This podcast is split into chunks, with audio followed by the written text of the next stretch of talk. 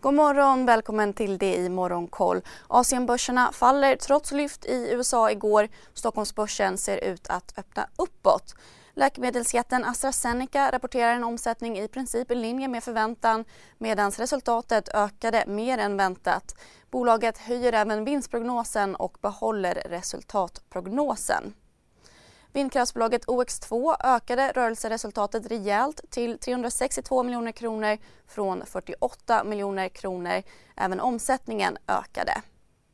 Och nu har alla fyra storbanken höjt sina rörliga boräntor.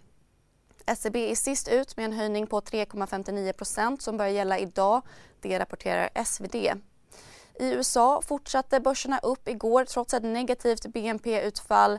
S&P 500 och Nasdaq steg runt 1 Amerikansk BNP för andra kvartalet minskade oväntat. Och två nedgångar i rad brukar ses som tecken på en recession men enligt landets finansminister Janet Yellen är det inte fallet nu eftersom en recession skulle kräva en bredare nedgång i ekonomin. Vidare rapporterade de två sista fangbolagen, IT-jätten Apple och e-handelsjätten Amazon sina kvartal igår. Apple slog resultatförväntningarna och steg... Hej, Synoptik här. Så här års är det extra viktigt att du skyddar dina ögon mot solens skadliga strålar. Därför får du just nu 50% på ett par solglasögon i din styrka när du köper glasögon hos oss på Synoptik. Boka tid och läs mer på synoptik.se. Välkommen! 3 i efterhanden.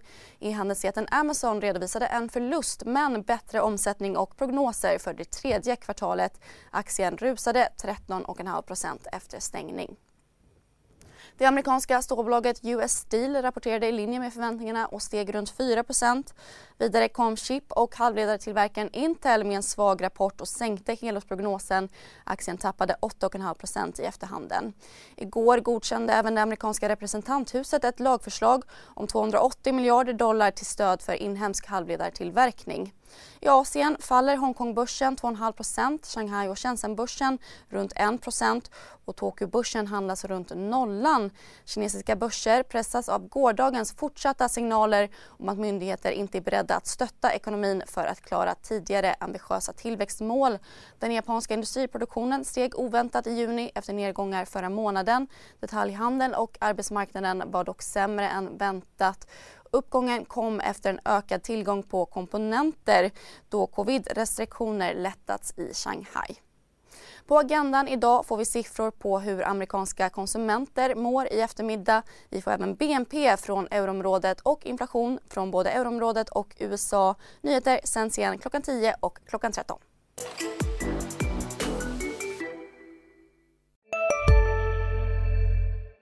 CSRD. Ännu en förkortning som väcker känslor hos företagare. Men lugn, våra rådgivare här på PWC har koll på det som din verksamhet berörs av.